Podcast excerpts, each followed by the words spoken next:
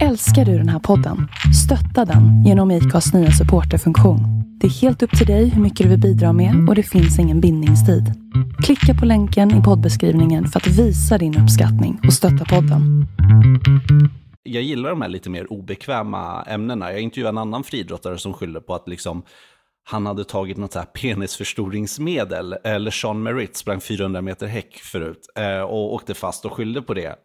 Och då var jag liksom där tvungen att nästan håna honom i intervjun och sa så här, men hade det någon effekt då? Han bara, vilket då? Jag bara, pillerna. Och då garvar ju han. Så att du vet så här, man kan ju få in lite humor också i allvaret.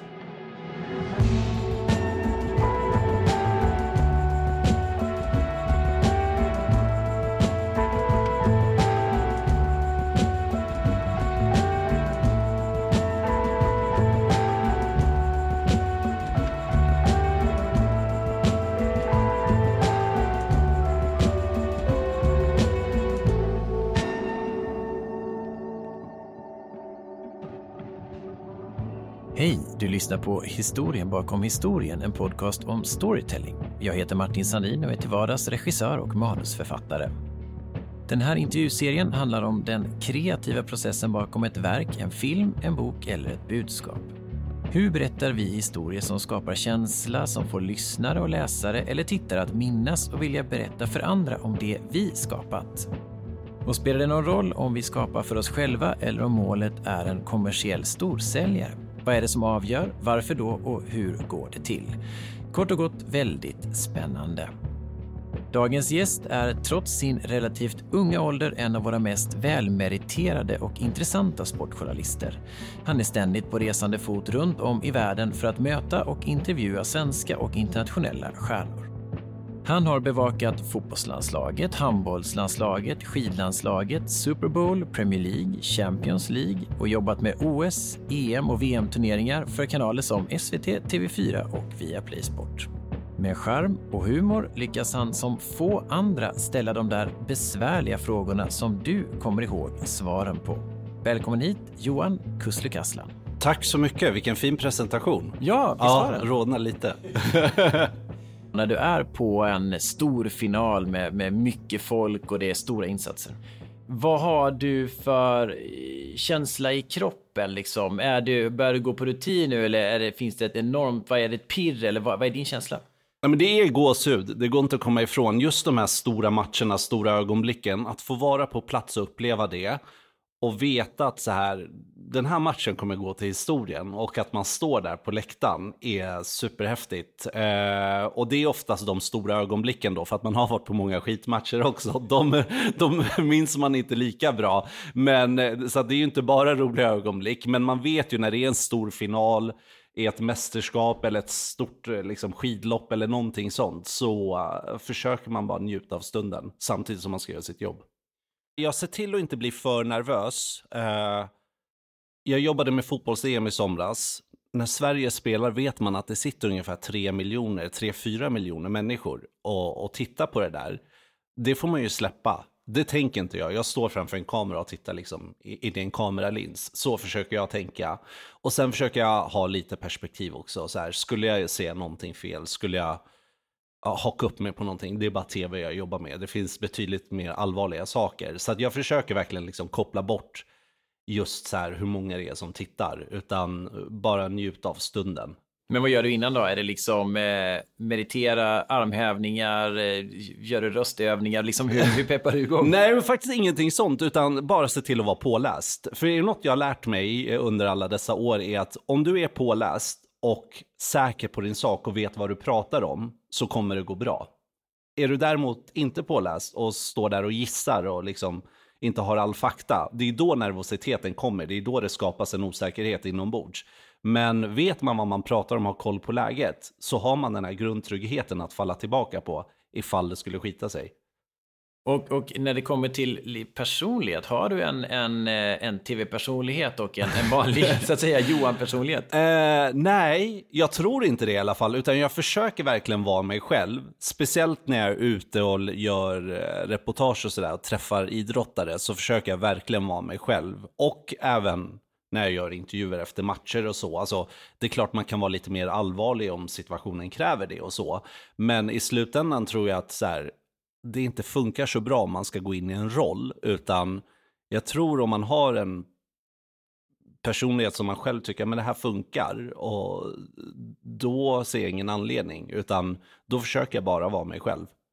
Jag följer dig på Insta och där lägger du ut lite bloopers ibland och sådär. Så men om du skulle beskriva lite hur det går till när du, när, du, när du ska göra ett reportage och hur du hittar in för att faktiskt kunna bli lite personlig och nå lite längre än bara hur känns det? Hur gör du då?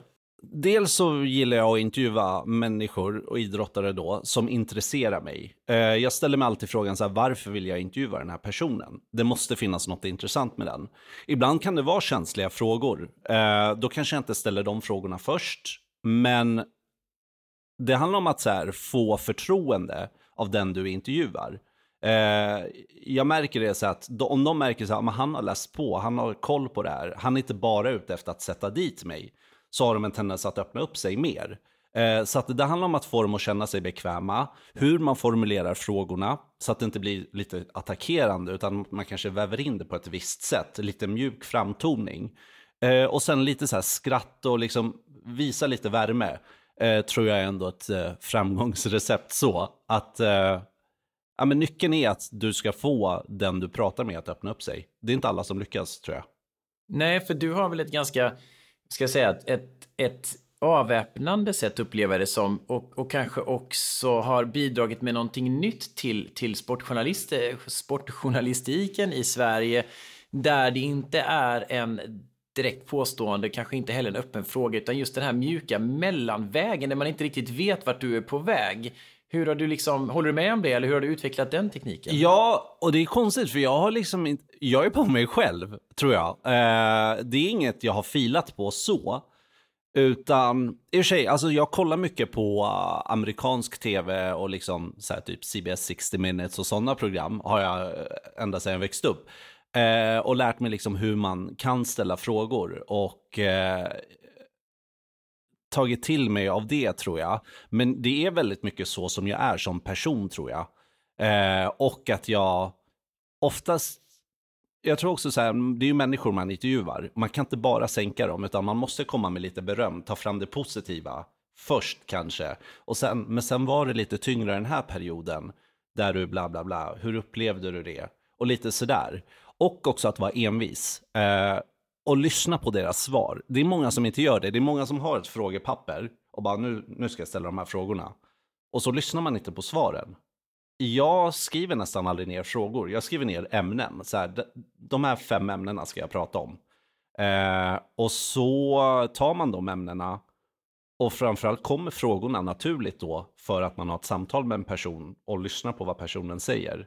Eh, de enda gångerna jag off typ har liksom specifika frågor.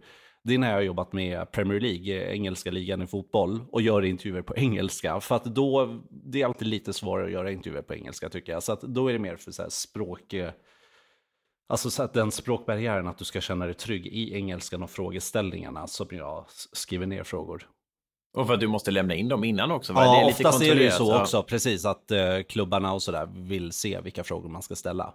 Vågar du vika ut från det när du träffar Mourinho eller Pep till Ja, men det har hänt och då har det också hänt att de vill censurera oss i efterhand om det är något känsligt. Och då har man haft en konflikt kring det.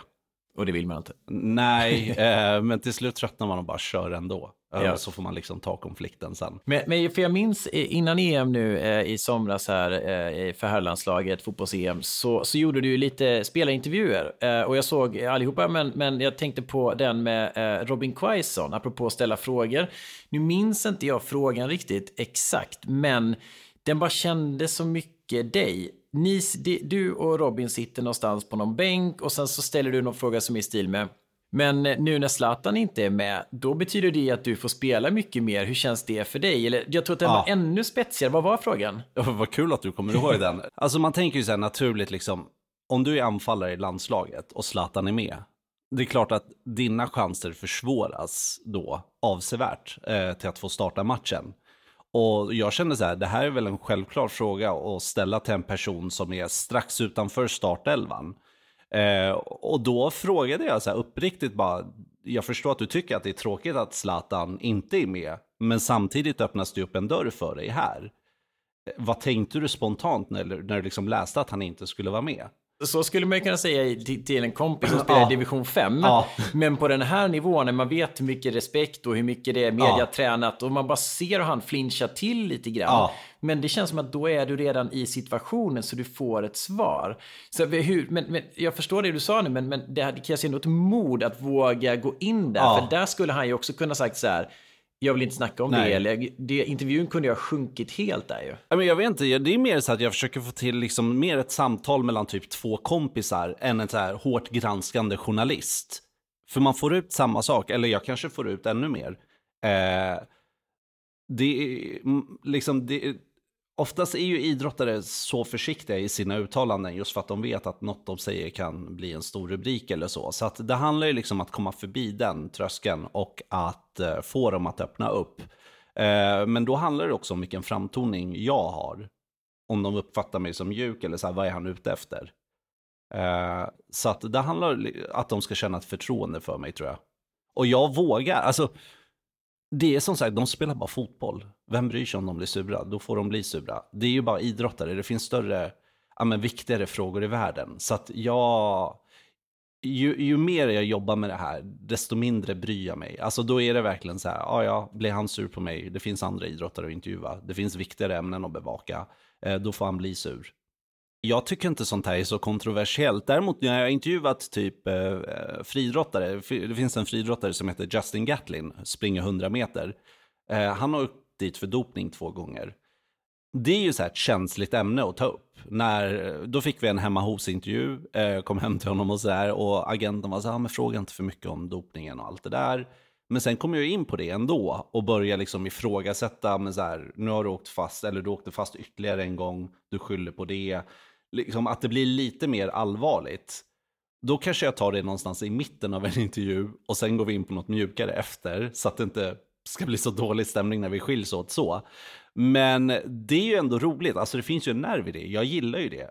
Jag gillar de här lite mer obekväma ämnena. Jag intervjuade en annan friidrottare som skyller på att liksom han hade tagit något så här penisförstoringsmedel, eller Sean Merritt sprang 400 meter häck förut eh, och åkte fast och skyllde på det. Och då var jag liksom här tvungen att nästan håna honom i intervjun och sa så här, men hade det någon effekt då? Han bara, vilket då? Jag bara, pillerna. Och då garvar ju han, så att du vet så här, man kan ju få in lite humor också i allvaret. Ja, men och det är väl det som är, som, som är spännande och det är väl det som blir också det som är avväpnande. Just att skjuta ifrån eventuella nedskrivna frågor, eventuell ja. nervositet och bara gå på någon sorts som du säger, någon sorts energi. Och det är det jag tror som, som jag upplever som en liten förändring och förskjutning i hur du rapporterar jämfört med dem, eller många som, som jag har jobbat med eller sett ja. tidigare genom åren. Ja, men det handlar ju om att sticka ut, eh, att sätta sin egna prägel på sina intervjuer. Det är ju väldigt tuff konkurrens i den branschen jag jobbar i. Det är många som vill ha mitt jobb. Eh, det är väldigt få platser. Vad ska du göra för att sticka ut? Så det handlar mycket om det, om att hitta sin egna stil och visa att du är unik på ett sätt. Vad är ett bra reportage? Vad behöver ett bra reportage innehålla? Jag är ju väldigt mycket så här, jag jobbar ju med tv. Jag älskar att jobba med tv för att man kan jobba med bilder och känslor på det sättet. Uh, så att jag spikar nästan aldrig, alltså, inom sportjournalistiken har det funnits en tradition av att man spikar väldigt mycket. Alltså att man läser in texter då. Jag gillar inte att göra det så mycket om det inte behövs. Typ en kort presentation om vem det är man intervjuar. Uh, jag gillar mer det här samtalet. Uh, och sen fånga känslor, vila på bilder. Jag är väldigt kräsen med vilka fotografer jag jobbar med. Eh, jag nöjer mig liksom inte med vem som helst för att för mig är ju hur du paketerar ett jobb, eh, 70-80% egentligen. Eh, jag, när jag ser vissa inslag ibland som är så här riktigt dåligt paketerade, fula bilder, ja, men då kan ju inte jag titta. Sen vet inte jag om det är jag som är superkänslig, men eh, jag har alltid liksom värderat det, hur man paketerar ett jobb. Och Sen finns det också det här motsatta. Ett jobb kan vara supersnyggt, men om innehållet är platt så faller ju det. Så det gäller att hitta den här balansen mellan intressant innehåll och snygg paketering. Jag är nästan aldrig nöjd med ett jobb jag gör. Eh, jag hatar att gå tillbaka och kolla på så här fem, sex år gamla jobb och bara, åh gud vad dåligt de har åldrats. Du vet, sådär. Eh, så att, men det är också lärorikt att göra det. Men eh, det, jag tror det är viktigt att aldrig känna sig nöjd. På ett sätt så finns det the sky is the limit, men på ett sätt är det också ganska monotont för att det är intervju, det är intervju, ja. det är reportage. Va, vad är din egen drivkraft bakom liksom, yrket? Alltså det är jobbigt för att ibland känner jag så här, men jag kan inte utvecklas mer. Nu har jag gjort det här och jag kör på liksom mitt formulär 1A, mitt egna och det kan bli lite, jag vet inte om det är bara jag som tänker på det, men att ändå försöka utvecklas och hitta nya vinklar, nya arbetssätt. På senare år egentligen, sen jag började på SVT, har jag gjort det i form av att så här, jag, jag, jag är väldigt trött på att göra så här ett 4-5 minuters reportage. Det ger mig inte så mycket längre. Eh, och när jag började på SVT så var det så här, men vi har ju SVT Play. Varför, gör, varför inte göra en programserie istället? Och inte vara så låst vid ett körschema i tv-tv, ett reportage som ska gå i Sportspegeln, som har en massa annat som ska fyllas också.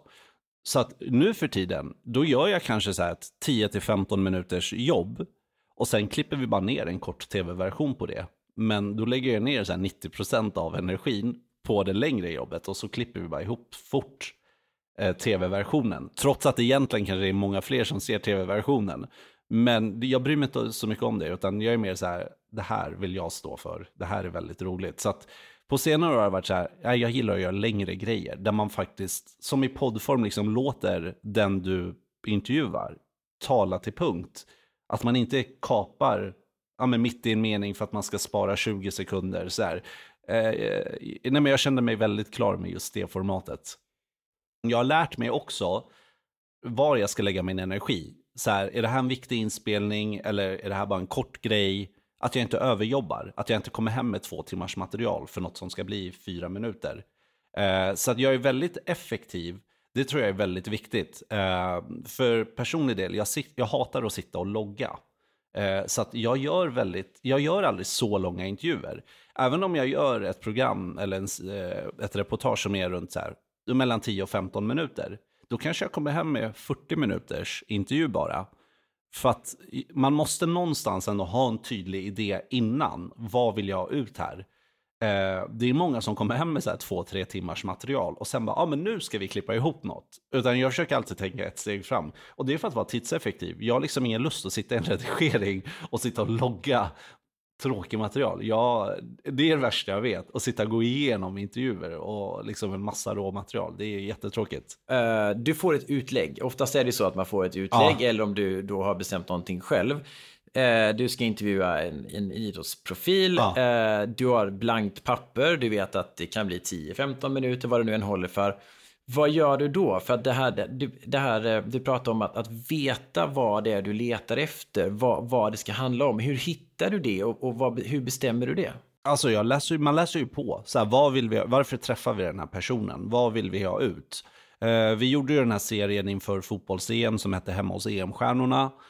Och där var det också så svårt. Då visste vi så här, ja, men vi ska träffa lite fotbollsspelare, ge någon lite mer personlig bild av dem det var det uppdraget jag fick. Sen så uh, visste jag inte vilka spelare vi skulle få loss och lite sådana saker.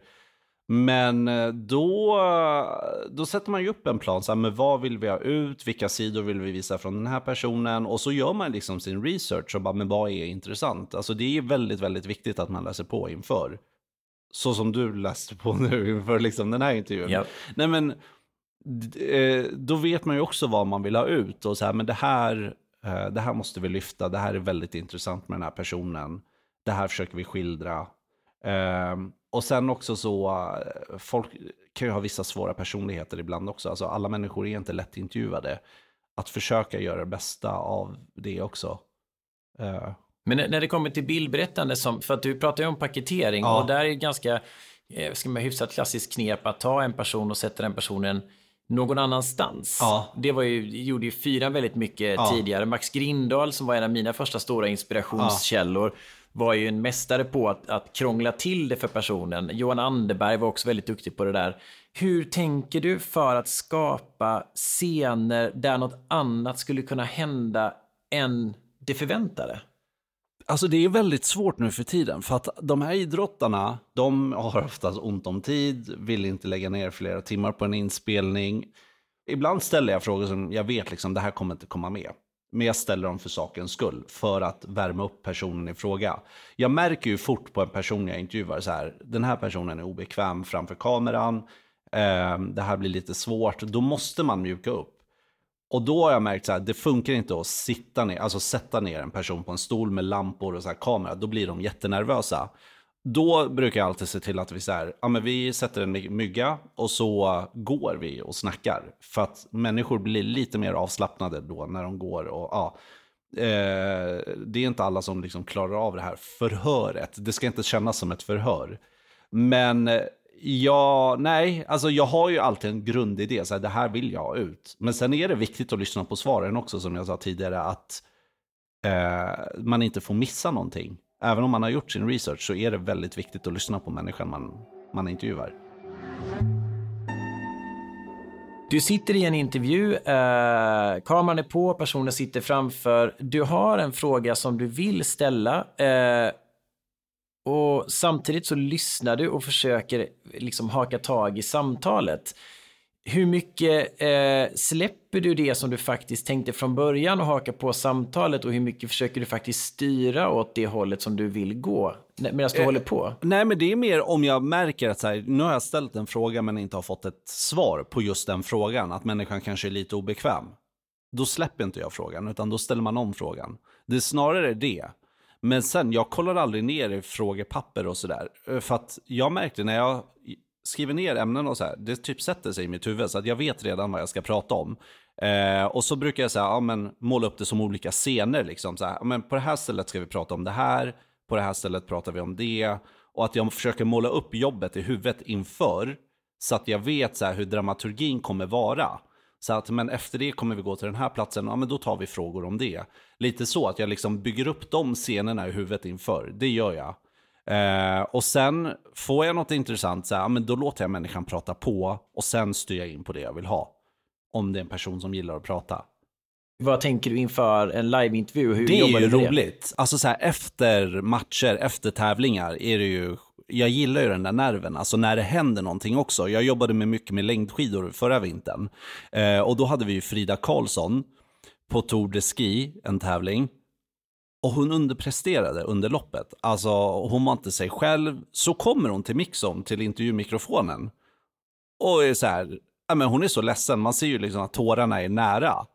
Då går ju jag rakt på sak så här, vad är det som har hänt? Och då börjar hon gråta och då berättar hon så att hon eh, gjorde någon övning på hotellrummet, ramlade, slog i bäckenbenet eller något sånt, eller kotan. Alltså, då handlar ju intervjun bara om det. Och jag gillar ju när det händer grejer under en tävling så, alltså inte att hon ska skada sig, men att det blir någon nerv här också. Eller om någon är grinig efter någon tävling. Alltså, många idrottare är väldigt svåra att intervjua efter en förlust. Du får inte ut mycket då. Då gäller det att hitta en känsla, så här, är det läge att pressa på nu eller ska jag bara släppa personen i fråga för då kommer jag inte få ut något. Det blir väldigt jobbigt också när du intervjuar någon och du får typ ett ord till svar. Och så ställer du en till fråga och så får du ett ord till. Och sen, du vet, det blir så en jobbig situation. Eh, det allra lättaste är ju att intervjua folk som har vunnit. men det är, alltså, det är inte så roligt. Eller det är klart det är kul för dem, men då är det så här, ja, det är ingen utmaning. Det finns ingen konflikt. Nej, exakt. Då är det bara så här, ahaha, alla ska vara glada. Jag gillar ju inte det. Jag gillar det här obekväma, när det skaver till lite. Hur mycket retsticka finns det i dig när du intervjuar?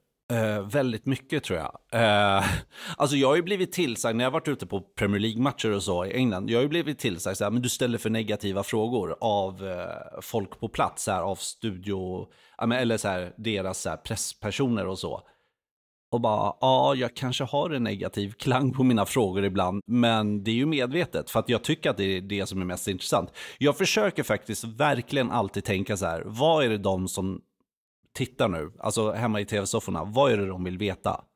Jag försöker alltid gå in i den rollen när det kommer till intervjuer direkt efter tävlingar. Hur stålsätter du dig? För det är superintressant tycker jag. Alltså, vad, hur, du låter väldigt tydlig med det här. Vad, hur, hur stålsätter du dig för att fortsätta på ditt spår? Uh, nej men att, att, inte ta åt sig. Uh, där, där har jag typ inspirerats mycket av uh, Stefan Åsberg, uh, SVTs USA-korre. Han har jobbat mycket med sport också. Alltså på presskonferenser, han är ju rakt på sak, pumpar på liksom och, och kör på. Och inte låter sig påverkas. Och det tycker jag är helt rätt stil. Eh, det är inte kul att stryka medhårs alltså. Jag gillar ju, om jag intervjuar José Mourinho när han tränar Manchester United efter att de så här, leder med 1-0, tapp, äh, släpper in 1-1 och håller på att förlora matchen. Om man har sett de tendenserna liksom, tidigare matcher under säsongen. Ja, men då är det ju självklart att jag börjar så här, ja men ännu en match där ni tappar en ledning och är på väg mot förlust. Vad är det som inte stämmer för er? Alltså det är en relevant fråga för mig. Ja, men, men det, folk det, är så det, känsliga. Det är en del av deras jobb, de är så välbetalda så att jag tycker de ska ta det. Jag, jag vet inte om jag är negativt inställd ibland, men så. Men jag gillar ju att liksom ställa så här, bara utgå från det perspektivet när idrottare inte levererar. Att man undrar vad det är som har hänt. Alltså det där är väl en otrolig eh, grej i en, i en tid när det är så mycket saker handlar om bekräftelse ja. och få vara en del av någonting och vad det nu än är som, som man letar efter, att, att faktiskt ta det journalistiska på allvar. För det är väl någonstans i grund och botten att utreda och ifrågasätta ja. saker och ting och våga ställa de där frågorna. Jo, men så är det ju verkligen. Uh, Olof Lund är en annan person som jag också så här, ser upp till i det perspektivet, liksom att han också vågar ställa de här tuffare frågorna på presskonferenser när vi bevakar landslaget. Eh, jag tycker man måste göra det. Eh, men det är väldigt stor skillnad på om jag är hemma hos någon och gör ett sånt typ av reportage, om man kommer in på känsliga ämnen, och om man sitter på en presskonferens. Eh, om man är hemma hos någon och så här, och, och liksom det är uppenbart att det har hänt något där det är ett känsligt ämne, då säger jag ofta så här, jag hoppas du förstår att vi, att vi måste ställa de här frågorna, sen får du svara vad du vill. Eh, jag kan liksom inte bestämma vad du ska svara, men däremot måste du förstå att jag eh, att jag måste ställa de här frågorna. Det har ju hänt några gånger då, så här, jag intervjuade en svensk fotbollsspelare i, hans klubblagsmiljö, där det var, något, så här, det, var lite känsligt kring landslaget och så. Och då var ju hans klubb så här, nej men det här får du inte fråga om.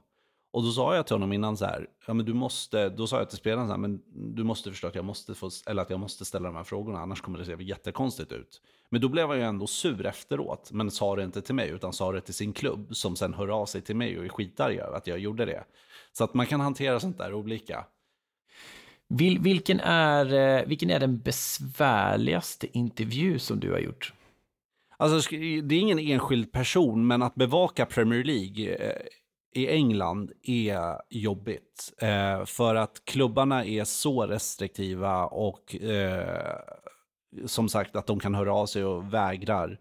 Så här, eller, ja men du får inte ställa, ni får inte ha med det här svaret. Då jobbade jag för en kanal som sände den engelska ligan och då, det var ju därför vi fick intervjuer på så sätt. Eh, och då hamnar man ju i en konflikt som sändande bolag mot ligan. Så att eh, det var jobbigt att ständigt liksom behöva ta det här tjafset och diskussionen med diverse klubbar om att inte få ställa rätt relevanta frågor som ändå var hyfsat harmlösa. Det kunde handla om att en tränare har fått sparken om man frågar en spelare vad han tycker om det. Alltså så här, det är liksom på den nivån. Det är jättelarvigt. Så det tröttnade jag ju på till slut och kände bara, nej nu måste jag göra något annat. Jag orkar inte ha sådana här menlösa diskussioner med de här klubbarna när de uppenbarligen inte fattar något. Men va varför är det så? Varför, varför... För att de är så rädda för att eh, det ska bli skriverier i engelsk media eh, och att, ja, att det blir stora rubriker som tar energi från spelarna. Eh, det är så larvigt, men ja. Konstigt att det är så stängt ändå ja, när det är någonting där de ändå tjänar på någon sorts öppenhet. Ja, men så är det ju verkligen. När, när du har då, uh, för du har ju gjort intervjuer med, ja, men som jag nämnde tidigare, med, med José Mourinho eller Pep Guardiola eller, eller uh, vem det nu än kan ja. vara. Hur var, det, hur var det första gången du fick den typen av intervju och du faktiskt satt liksom face to face med den här typen av person som du kanske hade hört varit tuff och som man själv har sett på tv och blir lite rädd för bara man ser dem? Ja, men då var jag jättenervös.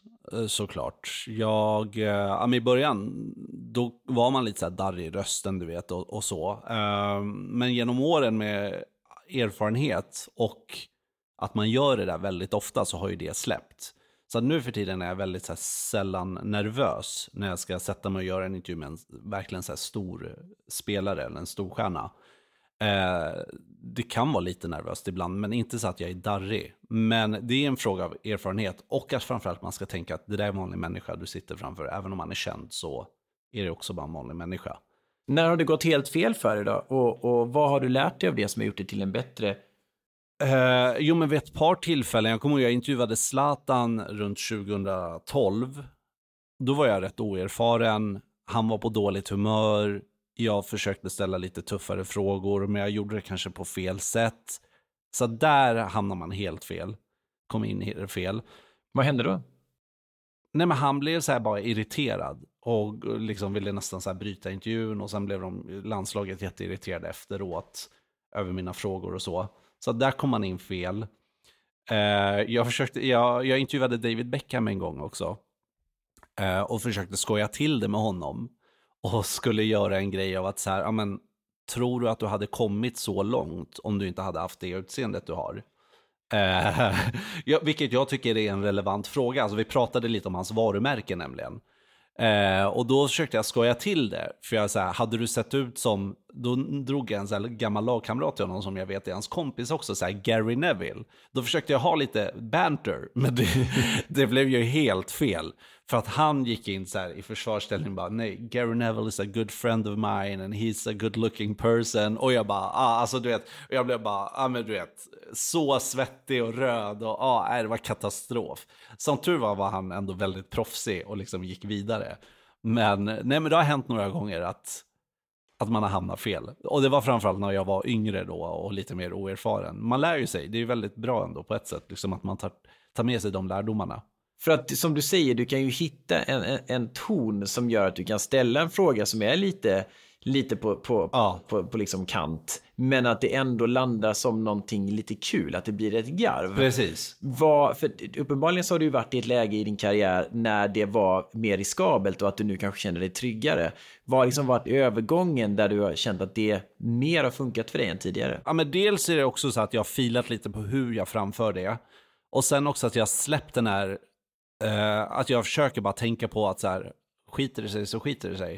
Uh, men sen också att känna av personen jag intervjuar på ett bättre sätt. Så här, kan den här personen, får man den connection, liksom att det går att skoja med, uh, med honom eller inte.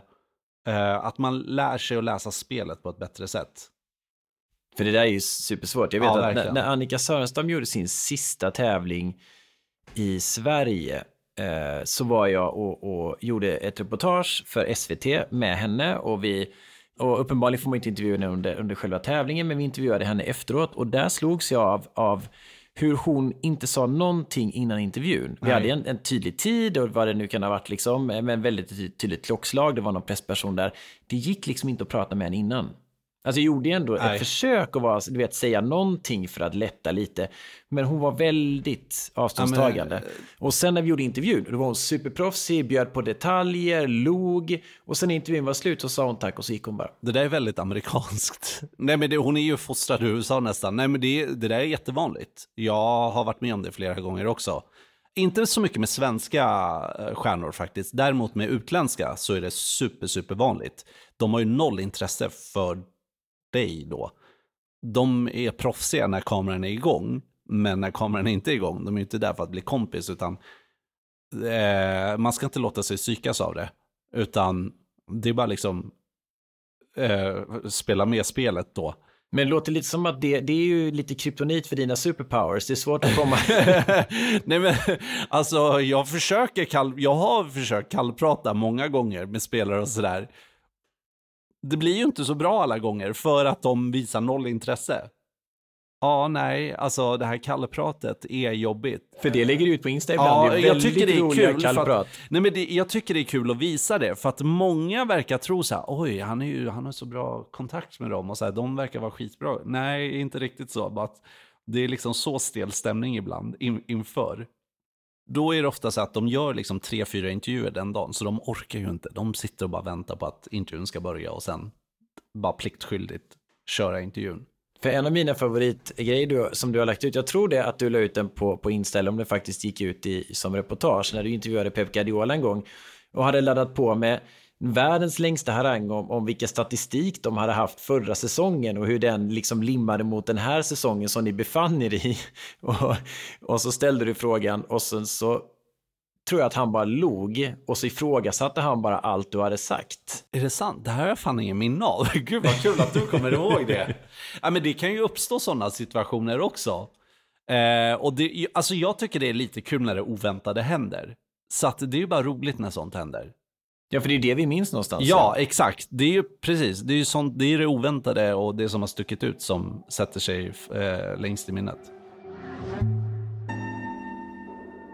Stress är en sån sak som, som jag också är nyfiken på kring, kring det yrket som du har. Det är live-rapportering, live-intervju, det är deadlines, du ska passa flyg, det är mycket stressmoment. Ja. Um, hur hanterar du stressen överlag i att det hela tiden oftast är på marginalen, att du måste leverera. Och som du säger själv, du har ett Johan Kusikaslan trademark, så en dålig dag på jobbet inför två miljoner människor kan ju vara mer än bara en dålig dag på jobbet. Det tuffaste med ens jobb är ju att man blir bedömd. Att man alltid blir bedömd av tittare, av, så här, alla ser ju vad, vad man gör, eh, av chefer och så vidare. Men jag försöker att inte bli för stressad och inte stressa upp mig i onödan. Och det är också så här, någon grundtrygghet jag har i att så här, ja, jag skiter i sig så skiter det sig. Jag orkar faktiskt inte lägga energi på att må dåligt över det. Jag släpper det. Eh, av saker jag inte kan påverka. Blir vi försenade där, ja men då blir vi det. Alltså det är ju inte jag som kan styra över det. När i din karriär kände du att du hade råd med att tänka så? Alltså det är nog på senare år, tror jag. När jag verkligen allt mer så här, inte bryr mig så mycket. Att det får, vara, det får bli som det blir. Eh, att oj, vi har en timme till sändning och vi har inte kunnat skicka hem inslaget än. Ja, men vi försöker lösa det. Har vi gjort allt vi har kunnat så kan jag ändå vara så här, ja vi gjorde allt vi kunde för, eh, för att lösa det. Men det är som sagt bara att jag på senare år har satt saker och ting i perspektiv. Att det är bara tv jag jobbar med, det är inte livsviktigt. Eh, att jag inte stressar upp mig. Jag orkar inte stressa upp mig faktiskt. Alltså jag lägger energin på sånt jag kan påverka istället. Eh, för det tar för mycket energi att gå omkring och vara... Jag kan inte jobba med stressade människor också. Alltså med fotografer och så som stressar upp sig. Det går inte. Jag, för jag är väldigt lugn som person.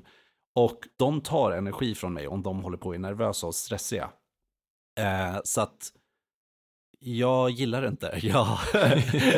det låter så självklart kanske, men eh, som sagt, det är så här, imorgon kommer det här ändå vara bortglömt. Så att, ja. Erfarenhet helt ja, enkelt. precis. Okej, okay, uh, eh, uh, en ung person, eller det, personen behöver inte vara så ung, det kanske bara är någon som, som verkligen vill kanske då uh, bli sportjournalist ja. eller som precis har tagit sig in, som faktiskt är i den delen av karriären där ett misslyckande är ungefär lika mycket jämställt med att jorden går under. Vad, vad vill du ge för tips till, till den typen av person i det läget? Hur man skapar ett bra reportage, hur man hittar den här liksom, tryggheten och modet att, att faktiskt vara sig själv? Alltså ett, eh, lär dig av dina misstag. Var inte rädd för att testa olika grejer. Eh, alltså tänk utanför boxen, försök sticka ut. Blir det dåligt, då lär du dig av de misstagen. Eh, var envis. Många eh, yngre, dagens generation höll jag på att säga, är ju förväntar sig att man får saker och ting serverat. Men det är ju väldigt hårt jobb att få diverse intervjuer och så. Att så här, jobba hårt för att det är många som står i kö här och knackar på och vill ha ditt jobb och ta sig fram. Eh, så att det handlar om det och som sagt, försök hitta din egna stil. Inspireras av andra, men kopiera inte.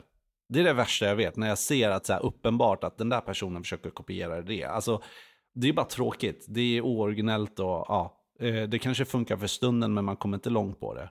Det är en, kanske en jättestor växel att dra eftersom han, jag, jag tycker kanske att han eh, helt, eh, ja, men helt eh, kört sin egen grej och helt stilbildande för sportjournalistik i Sverige. Men Göran Zachrisson, ja. han började och skapade ju helt sin egen sportjournalistik mm. som var något helt annorlunda än, än alla andra.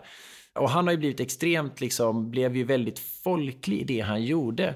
Hur ser du på den biten? Att du kanske till och med börjar ta steget mot att bli folklig? Alltså, är, jag ser mig inte som folklig så, men det är ju väldigt, alltså, det är klart det är kul att folk tittar på det man gör. Det har jag märkt att när man jobbar på SVT, att man når ut till så många människor, att det är en bred kanal. Eh, och det är väldigt roligt för att E-, egentligen bryr jag mig inte jättemycket om tittarsiffror och så, men ibland när du lägger ner mycket tid och energi på ett, på ett jobb så är det ju såklart superkul om så många som möjligt ser det. Eh, och att folk hör av sig och säger fan vad bra det där var.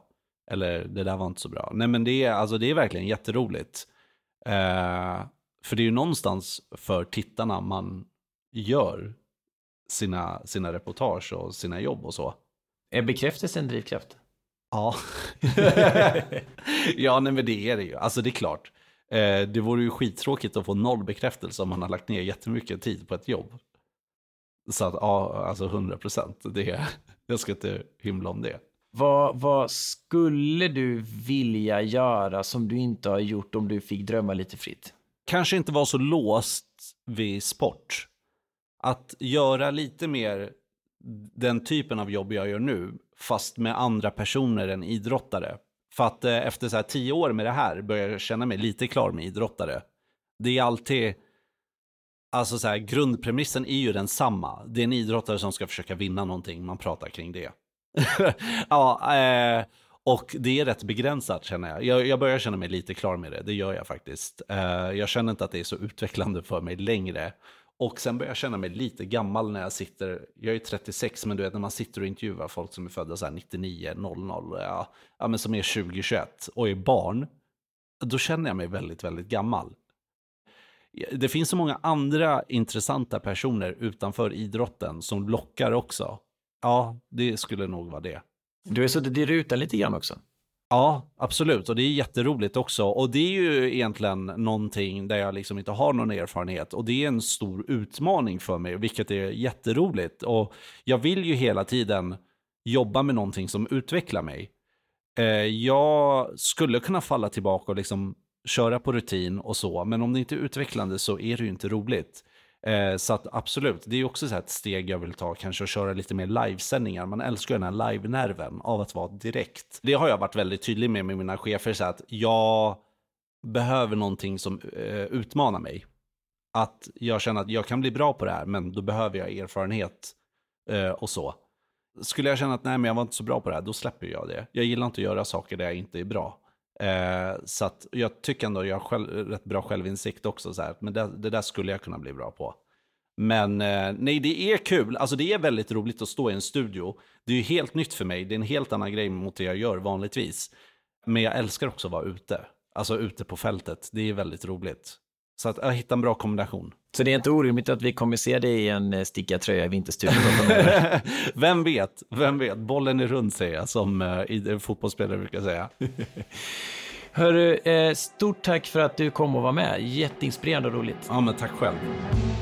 Stort tack för att du har lyssnat på historien bakom historien, en podcast om storytelling med mig, Martin Sandin. Vi skulle uppskatta väldigt mycket om du delar och sprider ordet om den här serien. Det är genom att du lyssnar som vi kan fortsätta prata storytelling med spännande gäster. Programmet är producerat av OpenShop. Besök oss på openshopfilm.com. Tills nästa gång, må väl, skriv ner dina tankar och fortsätt göra världen lite bättre.